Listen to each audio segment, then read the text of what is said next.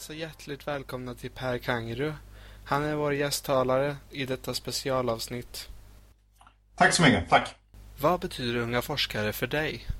Ja, Unga forskare för mig, det är en stor del av den uppväxten jag hade från eh, början på högstadiet och sen fram eh, hela vägen från högstadiet och gymnasiet och in lite grann till början på när jag läste på universitetet. Jag har nog varit med om det ja, nästan de, all, de allra flesta sakerna som går att göra inom Unga forskare. Och eh, framförallt som då var i eh, början på eh, 90-talet, till och med till slutet på 80-talet och sen fram till någonstans mitten på 90-talet. Och det är alltifrån att starta förening, driva distrikt och ordna unga forskare shoppar där vi köper in allt ifrån pennor, tröjor och miniräknare importerade vi från Hongkong till eh, ordna massa helgkurser, helgaktiviteter. Så det är, det är det mesta, inklusive även eh, ställt ut på utställningen faktiskt inte mindre än tre gånger.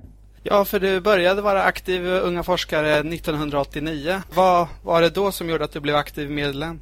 Ja, det var någonting som på den tiden kallades skolturnén. Det vill säga det var ett antal personer som dök upp på, i det här fallet, våran högstadieskola på en informationsdag. Det var massa idrottsföreningar och andra vissa olika aktiviteter. Och eh, då visade de att man även kunde ha kul med eh, blandad kemi, fysik och så vidare. Och eh, det var alltid från eh, sådana här klassiska grejer som kolsyresnö, flytande kväve, lite lasershow och så vidare. Och utifrån det så var det ett par stycken mer än jag som tyckte det var väldigt intressant. Så vi startade faktiskt en förening där på skolan. Det var i Lund och så var det på en, en högstadieskola där som vi drog igång. Och eh, ja, det var första lärdomen när jag gick i sjuan i det fallet. Ja, för sedan 1994 gjorde ni den här Tetra-kursen. Ja, absolut. Tetrakursen hade hållit på i ganska många år. Det var när jag satt i eh, Östergötlands Smålandsdistriktet. Och eh, det var en av höjdpunkterna på året som då eh, det distriktet ordnade. Och eh, hade alltid en liten eh, historisk prägel av att vi var på folkhögskolor, hade lite bättre mat, bodde i lite bättre sovlokaler och så vidare. Och eh, då ville jag ta det där ytterligare ett snäpp. Så jag under något år där byggde upp en verksamhet där vi till slut fick upp eh, strax över 100 deltagare och eh, fyra parallella kurser där, där jag hade eh, föreläsare från universitetet på två av dem. Eh, en eh, som kom från, i det fallet, Jönköpings kommun och som var miljöansvarig då. Och sen en fjärde kurs som eh, gjorde ett tv-program där deltagarna fick lära sig allting som hade med tekniken och metoderna kring tv-produktion. Och fick även sända ett timslångt tv-program i lokal-tv-kanalen på söndagen. Så när den kom på fredag eftermiddag så fick de bara reda på att nu har ni en timme att sända på söndag. Och de fick göra allting ifrån att sköta mixningen av eh, det som gick ut på tv-nätet till filmkamerorna, banda intervjuer, göra inslag om övriga kurser och så vidare.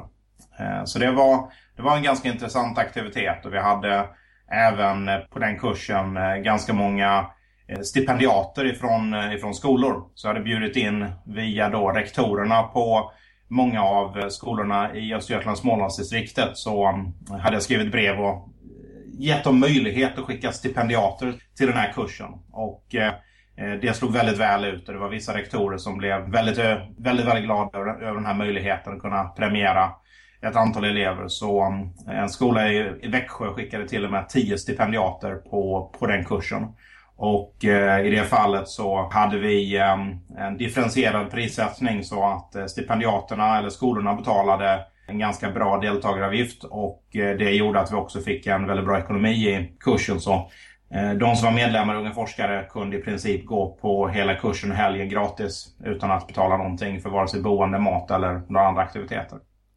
Härligt. Det var någon som tog med nästan hela sitt fysiklabb dit också. Absolut. Så en, en av de här eh, universitetslärarna kom ner. Han, det var en kille som skötte eh, atomfysikkursen på um, Uppsala universitet. Så den som man i det fallet gick tredje året på teknisk fysik. Och eh, då gav han en kurs i kvantmekanik och atomfysik på en helg. Där de hade möjlighet att gå igenom alla labbarna som också då går igenom på den tredje årskursens fysikkurs på teknisk fysik under en helg. Och eh, det var ju naturligtvis en ganska stor kick för folk som tidigare annars hade sett eh, liksom mekaniklabbar och annat eh, på sin gymnasieskola och få ja, möjlighet att kolla på någonting som var mycket, mycket häftigare. Så det var, ja, det var riktigt kul. Det måste ha varit riktigt inspirerande.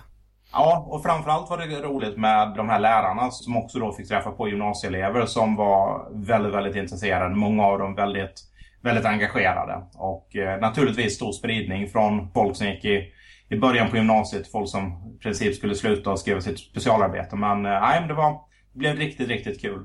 Och eh, på motsvarande sätt så hade ju även då den andra kursen som hade genteknik som, eh, som fokus. De gjorde även då specifika genförändringar på vissa gener. I det här fallet så gjorde de eh, vissa bakterier resistenta mot ampicillin så att eh, man fick E. coli-bakterier som var resistenta.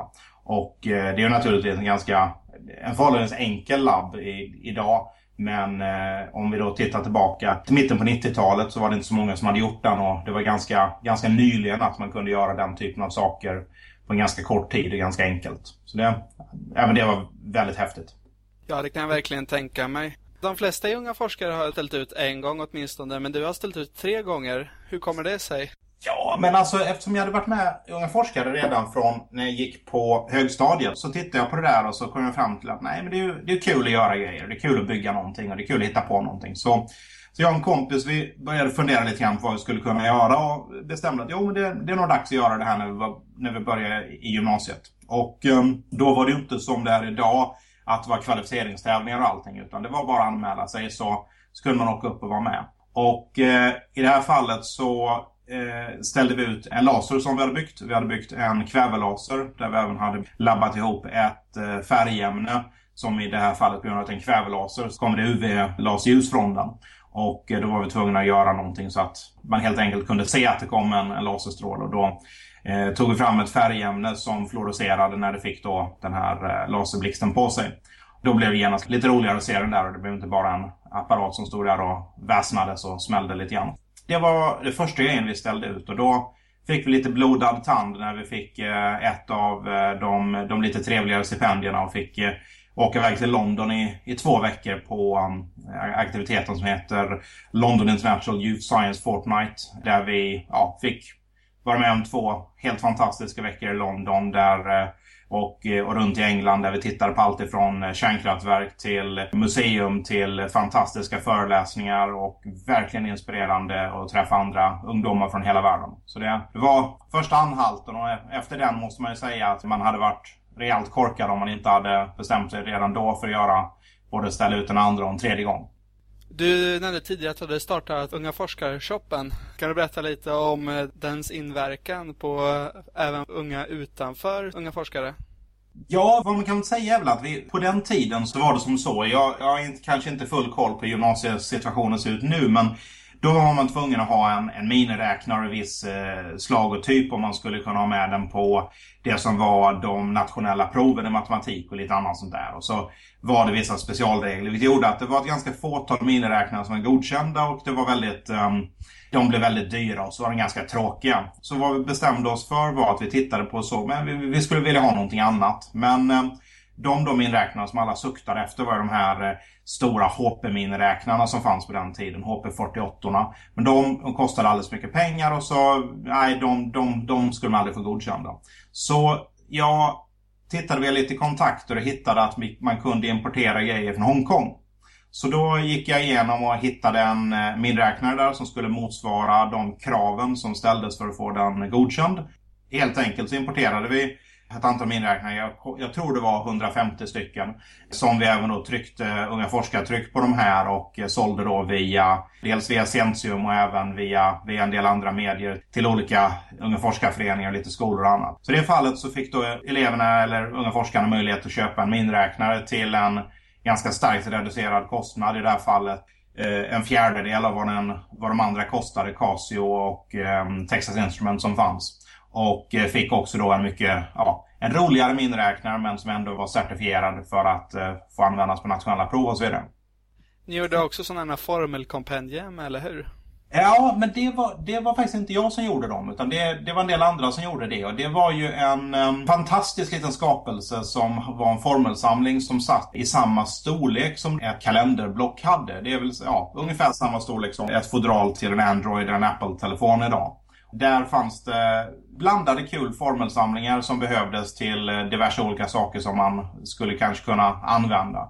Och det kanske mest roliga med den som inte fanns med i speciellt många andra ställen enkelt då. Det, det här var på mm, tidigt 90-tal och eh, internet var inte alls eh, lika väl utbyggt som det fanns då. Framförallt hade man inga smarta telefoner som man alltid kunde slå upp allting på. Vilket gjorde att den här formelsamlingen blev ovärderlig när man till exempel ville veta vad, vad ett visst eh, E-nummer betydde som fanns i, i någon maträtt. Alternativt om man eh, var ute och så såg man någon, eh, någon lastbil med en farligt godsskylt och man ville veta vad 3012 betyder på en sån. Idag kan man hitta det på två sekunder med hjälp av sin, sin smarta telefon men vid det tillfället var det ovärderligt att kunna hitta det med hjälp av formelsamlingen. Och, ja, det var lite sån här encyklopediskt vetande som man då kunde skaffa sig ja, via den som man inte annars på ett enkelt sätt hade tillgång till. En liten jack of all trades. Absolut, den var fantastiskt bra. Du har även fått ett stipendie 1994. Anders Wall-stipendiet. Det fick jag faktiskt 1997, men ja, 97. Det, var, det, var, det är ett stipendium som delas ut av Anders Walls stiftelser. Och det är ett stipendium som faktiskt uppmanar alla att söka, som är godkända sökande. Och det, och det är alla som idag inte har påbörjat eh, doktorandstudier eller motsvarande. Det är ett stipendium som ger en viss summa pengar i handen, men det viktiga med stipendiet är att man får ett medlemskap i ett nätverk som kallas Valumni. Och eh, det är en, eh, vad ska vi säga, tänk dig alla som är lika intressanta, roliga, givande människor som finns med i en Unga forskarförening eller Unga forskardistrikt. Men så tar du dem inom alla olika verksamhetsområden. Du har alltid från folk som är musiker till folk som är ekonomer eller entreprenörer. Du har folk som är jordbrukare och så vidare. Och alla har en fantastisk förmåga att få saker och ting gjort. Och det är ett fantastiskt gäng att vara med. Och eh, det stipendiet det gynnar eller ska driva och entusiasmera ungdomar som idag har ett intresse, driv, en möjlighet att göra någonting och eh, få dem att ja, helt enkelt driva det vidare. I mitt fall så hade jag då eh, sysslat med ehm, en del atomfysikgrejer, lite laserkylning och lite annat och eh, utifrån de stipendieresorna jag hade haft från utställningen. När jag, så även då, sista gången jag ställde ut fick jag även ett resestipendium. Då var jag i, på Weizmann-institutet i Israel på den sommarforskarskolan som var där. Så jag hade då under ett par år träffat väldigt mycket folk från hela världen inom många olika eh, discipliner. Och eh, i det här fallet så sökte jag Anders Wall-stipendiet för att kunna återknyta kontakter med dem och även titta vidare på hur man kunde samarbeta inom då atom och laserfysikområdet men även se hur det då skulle passa ihop med en del andra segment och områden. Så eh, det var helt enkelt ett stipendium man fick för att utöka möjligheten att nätverka, utöka möjligheten att diskutera, träffa och, och helt enkelt göra saker och ting framgent.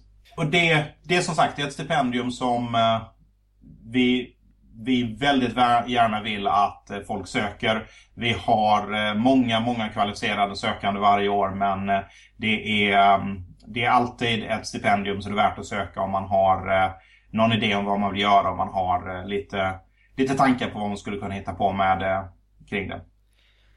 Nu tänkte vi att vi skulle hoppa till nutiden istället så tänkte jag höra lite, vad gör du nu för tiden? Nu för tiden jobbar jag på ett globalt bolag som eh, sysslar med eh, telekomsystem och att eh, garantera kvaliteten i dem på olika sätt. Antingen kvaliteten i form av när man bygger och utvecklar en ny basstation eller ska fundera på om ett nytt typ av nätverkssystem kommer fungera bra eller ej. Just nu till exempel 5G, så femte generationens mobilsystem. men sen även tittar man då vidare nästa steg på när då en mobiloperatör ska investera i ett sånt här system och man ska titta på kommer det fungera? Kommer det ge mig vad, vad jag vill rent tekniskt? Och om man tänker på att var en av de här, eh, till exempel en, en basstation i ett mobilnätverk, den har i, i runda slängar en tusen olika inställningsparametrar som man kan göra. Och var och en av dem har naturligtvis många olika nivåer på man kan ställa in dem på. Om man då ska hitta de optimala konfigurationerna för hur en basstation ska fungera så kan det bli ett ganska komplicerat jobb att hitta det om man försöker göra det bara trial and error. Så då bygger vi och utvecklar eh, produkter och eh, lösningar som helt enkelt gör att en mobiloperatör kan inte bara utvärdera när de ska köpa en produkt utan de kan även se till att de kan eh, få den i drift, de kan optimera den och de kan se till att den, den funkar bra. Och eh, det för i princip alla teknologier om det så är gammal hedlig GSM-telefoni eller 3G-telefoni eller nu då eh, LTE eller 4G-telefoni och kommande nu 5G som vi har jobbat med ett tag. När jag var på Ericsson för en sommar sedan och de nämnde bland annat en av deras mål med 5G hade varit att folk som eh, arbetar med tung maskineri skulle kunna göra det betydligt närmare sin familj istället för att behöva resa bort ifrån dem för att kunna arbeta. Är det ett mål som du ser som är eh, möjligt att uppfylla med 5G? Absolut, så där måste man ju tänka till då. Först och främst, hur definierar man 5G? Vad är 5G? Och, och, det som Ericsson och eh, ett antal andra spelare runt om i världen har gjort och där även vi har varit med på ett hörn, det är att man har samlat in sådana här som man kallar use cases. Vad är det man skulle vilja göra? Vad är det för saker som inte funkar idag? Vad skulle man vilja göra? Och eh, det use caset du beskriver är vad man även kallar det taktila internetet, så the tactile internet. Eh, där man har till exempel då ett tekniskt krav på att man ska ha en millisekunds latency. Så att eh, man ska ha väldigt, väldigt lite fördröjning mellan det att man i det här fallet då försöker styra den här skogsmaskinen och eh, att någonting händer på den. Då ställer man helt enkelt upp ett antal eh, krav och så definierar man och säger att 5G kommer bli den teknologin som kan användas för att eh, möta de här use casen och de kraven som följer med det. Det man då måste tänka på med 5G är att 5G har väldigt många sådana här use cases. I breda drag kan man säga att man kan dela upp 5G eller de use casen i nio olika grupper. Och eh, var och en av de här grupperna har sedan ett antal olika requirements kring det. Vissa av de här sakerna kommer komma tidigare. Och eh, tittar man nu rent, rent praktiskt så kommer de första 5G-systemen att eh, demonstreras inom de kommande, säg 2, 3, 4 åren. Det är det första stället där man egentligen kommer köra det på något sätt kommersiellt. Det är 2018 i Sydkorea när man har OS där. Och sen så två år senare, 2020, i eh, Japan. Om min någorlunda kvalificerade gissning är att man i Sydkorea kommer ha en teknisk lösning som inte är standardiserad men eh, som kommer kunna uppvisa att de uppfyller eh, i alla fall ett av de här use casen. Det kan till exempel vara use caset att man har väldigt, väldigt hög bandbredd. Så att istället som idag kanske med LTE kunna få en i bästa fall 152, kanske 300 megabit så ska man i alla fall kunna få mellan eh, 1 gigabit och kanske upp till 5 gigabit per sekund i, i nedladdningshastighet. Och eh, man ska i alla fall kunna få 1 gigabit per sekund även om man sitter i en, till exempel en bil eller en buss som rör sig. Om man då tittar sen på de här sakerna som uh, the tactile internet och, och de sakerna när man då kommer ner på en millisekunds latency och så. Då kommer det troligtvis ta något år ytterligare innan man har uh, tekniska lösningar som motsvarar de bitarna. Så eh, när man tänker på 5G så är det en familj av teknologier och det är en familj av sätt att lösa saker. Men det är definitivt någonting som kommer bli en verklighet. Det handlar inte bara om att styra skogsmaskiner på avstånd. Det handlar också om att till exempel kunna ha kirurgi på avstånd. Eh, så att man kan eh, helt enkelt eh, lägga sig i en kirurg eller operationsmaskin och sen sitter världens bästa kirurg oavsett om han eller hon sitter i i Kina eller Indien eller USA eller i Sverige så kan han utföra operationen på distans. Och ska man då ha den precisionen och låga latencyn så, så måste det vara garanterad kvalitet på den överföringen. Det var ju väldigt intressant. Men eh, du har gjort en hel del grejer mellan unga forskare och nu också. Absolut, absolut. Och, och, och det viktiga där är ju då att om jag egentligen ska försöka knyta samman det här, det är att det jag lärt mig via dels unga forskare och dels utställningen och annat, det är att det är ingenting som är omöjligt. Allting går att göra. Det finns nästan ingen expert som inte är mer än ett telefonsamtal bort. Eller idag kanske ett, ett e-mail bort. Men jag måste också säga att ett telefonsamtal löser ofta mer problemen än vad ett e-mail kan göra. Det har fått mig att titta på många problem som antingen kollegor till mig inom det företaget jag har jobbat eller, eller även då våra konkurrenter. De, de i många fall suttit fast i i gamla hjulspår när de försöker lösa ett problem. Men eh, om man kommer in där med en liten annan synvinkel och en liten annan tankebana så har man i många fall kunnat lösa en hel del problem på nya sätt och i vissa fall så har de sakerna blivit riktigt, riktigt bra. Och det, det är någonting jag uppmanar alla. Naturligtvis, de som varit med unga forskare kommer i många fall ha betydligt bättre förutsättningar för de har i många fall provat på saker och ting som andra säger är omöjliga. De har provat på att göra saker och ting som andra inte tror att någon ska kunna göra som går i gymnasiet eller kanske till och med högstadiet. När man har lärt sig att det finns ingenting som säger att det är omöjligt. Det finns ingenting som är det är för svårt eller du kan inte eller du vet inte tillräckligt. Utan det, det är bara att göra. Då vet man också att många saker kräver repetition. Det kräver att man testar och man ändrar och man testar igen och så funderar man lite grann. Några av de sakerna som jag har gjort så, där jag har försökt lura lite grann på det här och hitta någonting. Det har gått riktigt, riktigt bra. Det är vissa saker som har då genererat lite, lite patent och Eh, vissa av de patenten har, har även genererat produkter som har varit, eh, varit väldigt lyckosamma. Så eh, vissa mjukvarulösningar som vi har sålt som genererat extraintäkter utöver det som man normalt skulle haft på eh, nästan en, en miljard svenska kronor. Så det, nej, men det, det är riktigt kul att se att man kan, man kan bidra med någonting genom att tänka på lite annat sätt och helt enkelt inte, inte tro på att det finns någonting som är omöjligt. Du nämnde i en tidigare intervju att du hade lyckats komma på ett nytt sätt att undersöka sin telefon. Det var det här då som genererade den här försäljningen på ungefär en miljard. Där var helt enkelt en lösning som tittar på hur man kan ta trafik i mobilnät och sen så analysera den på ett bra sätt. Och eh, hur man då kunde också skicka den trafiken så att många människor kunde sitta och titta på den parallellt. När vi då lyckades med det från ett tekniskt perspektiv så bjöd den också till att mjukvaran som gjorde det här var, var tillräckligt lättanvänd så att istället för bara en eh, enstaka teknisk expert som kan utnyttja den så kan även då betydligt fler utnyttja den och göra rätt saker. Då samarbetar vi med en mobiloperatör i England som heter T-Mobile. De använder det här för att eh, kunna generera, ja helt enkelt testa och utvärdera och kvalificera tre ytterligare telefoner som de kunde sälja i julhandeln det året. Så normalt så får då en mobiloperatör skicka till sig ett antal prototyper som de eh, ska utvärdera och se är de tillräckligt bra, kan vi använda dem, kan börja sälja dem. Och det är ett jobb som är ganska komplicerat och tar ganska lång tid. Vilket gör att om de är färdiga någonstans i augusti eller september eller oktober så är det inte så många som man hinner testa och utvärdera. Då får man antingen ta en stor risk, kommer de funka, kommer de inte? Och eh, i det här fallet så, så hittade jag en möjlighet där de kunde snabba upp det där så att de kunde då istället för att bara kvalificera två eller tre stycken skulle de kvalificera i det här fallet sex stycken. Vilket då naturligtvis gav dem en rejäl extra försäljning till den julen.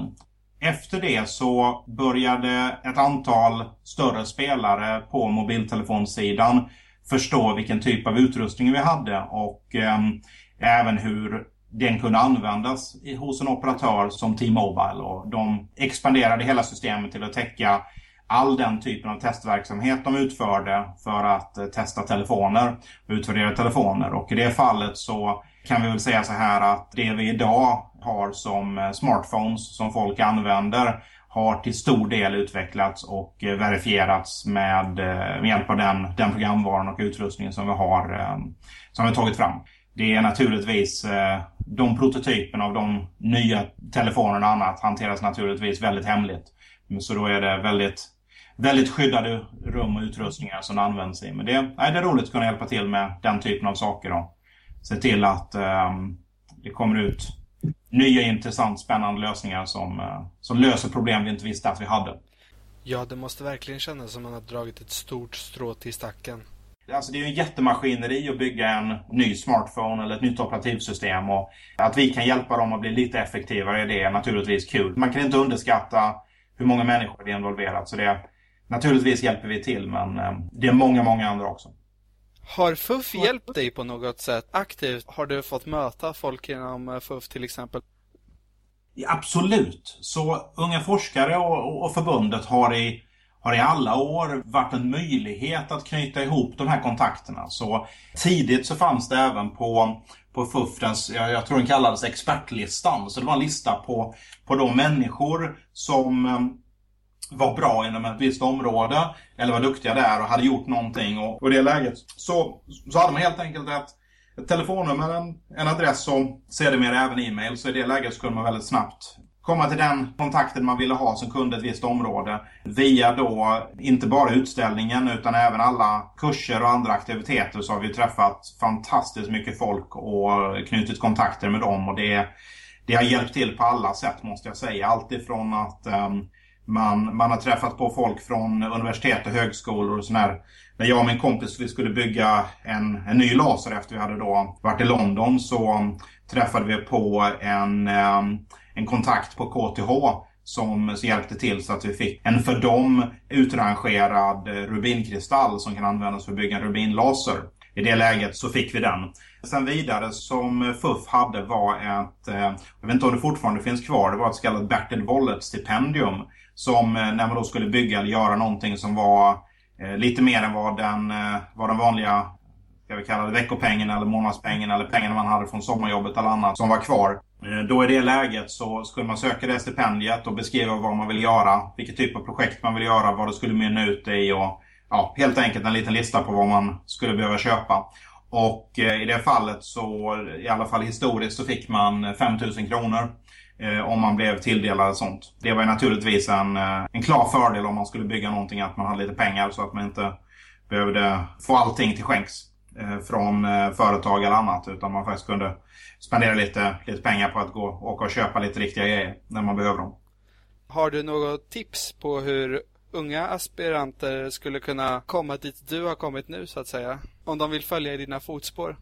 Absolut. Den första grundläggande biten är att för att lyckas med något så måste man prova. Man måste testa, man måste öva, man måste försöka, man måste fundera, man måste misslyckas. Och det finns ett talesätt som låter lite löjligt men när man väl har varit igenom det så förstår man det. Det är att av de som lyckas göra någonting, de har oftast misslyckats fler gånger med någonting än vad den som bara misslyckas ens har försökt. Så även om jag och sen så många andra har, eh, har lyckats med mycket och vi har gjort många saker så det viktigaste är att vi har lärt oss att för att komma dit så måste vi misslyckas kanske hundra gånger innan vi lyckas den hundraförsta. Det är väl den första. Det kräver massa uthållighet, det kräver massa passion och driv. Men när man väl har förstått det, sen är ingenting omöjligt. Och den andra biten är att det finns så väldigt, väldigt, väldigt mycket att, eh, att lära sig av, av det som redan är gjort. Och genom att göra det så kan man väldigt snabbt titta på det som kanske inte är gjort mitt tips är, gör saker. Gör dem praktiskt. Idag är det inte samma saker som vi gjorde i mitten på 90-talet. Idag kanske det är kopplat till att man kanske kan låna en 3D-skrivare av någon. Och när man har lånat 3D-skrivaren så kan man fundera ut, vad skulle jag vilja bygga? Vad skulle jag göra? Och så hittar man en, någonting som man kan öva sig fram till. Det mest fundamentala är, gör någonting, ha kul. Fundera inte så mycket på vad man ska ha det till, utan gör grejer. Och fundera, lär er på det orädd. Det finns ingenting som är omöjligt och det finns det finns bara ett sätt att lära sig mer och det är genom att prova, öva och göra. Så det, det, är, väl, det är väl det viktigaste. Och eh, sen, eh, det finns alltid människor som bara är ett telefonsamtal bort eller ett e-mail bort. Ta kontakt med dem. Universiteten har fantastiskt många anställda som är väldigt, väldigt glada att kunna dela med sig lite grann av sin kunskap, berätta lite grann. Vill man bygga en vakuumkammare och man är lite osäker på vad man ska göra. Ring upp den som har byggt vakuumkammare på universitetet. Fatta att en, bygga en vakuum, den första vakuumkammaren för dig själv, det är inte svårare än att hitta ett gammalt kylskåp och köra kompressorn baklänges. Det är absolut tillräckligt för att få ett schysst undertryck som man kan använda för att bygga en kvävelaser med. Inga problem. Det finns bara lösningar. Om du inte har något mer att tillägga så vill jag tacka för mig. Absolut, det här var väldigt trevligt och eh, jag önskar många nya unga forskare varm glädje att eh, upptäcka det hela. Unga forskare har alltid funnits, det kommer alltid finnas. Det bara handlar om vilken form och vilken, vilken möjlighet har de att, att få lite hjälp i samhället och, och komma framåt. Men det önskar alla lycka till nu och i framtiden. Tackar. Tack. So, Chris, would this be a FINA Fiskin?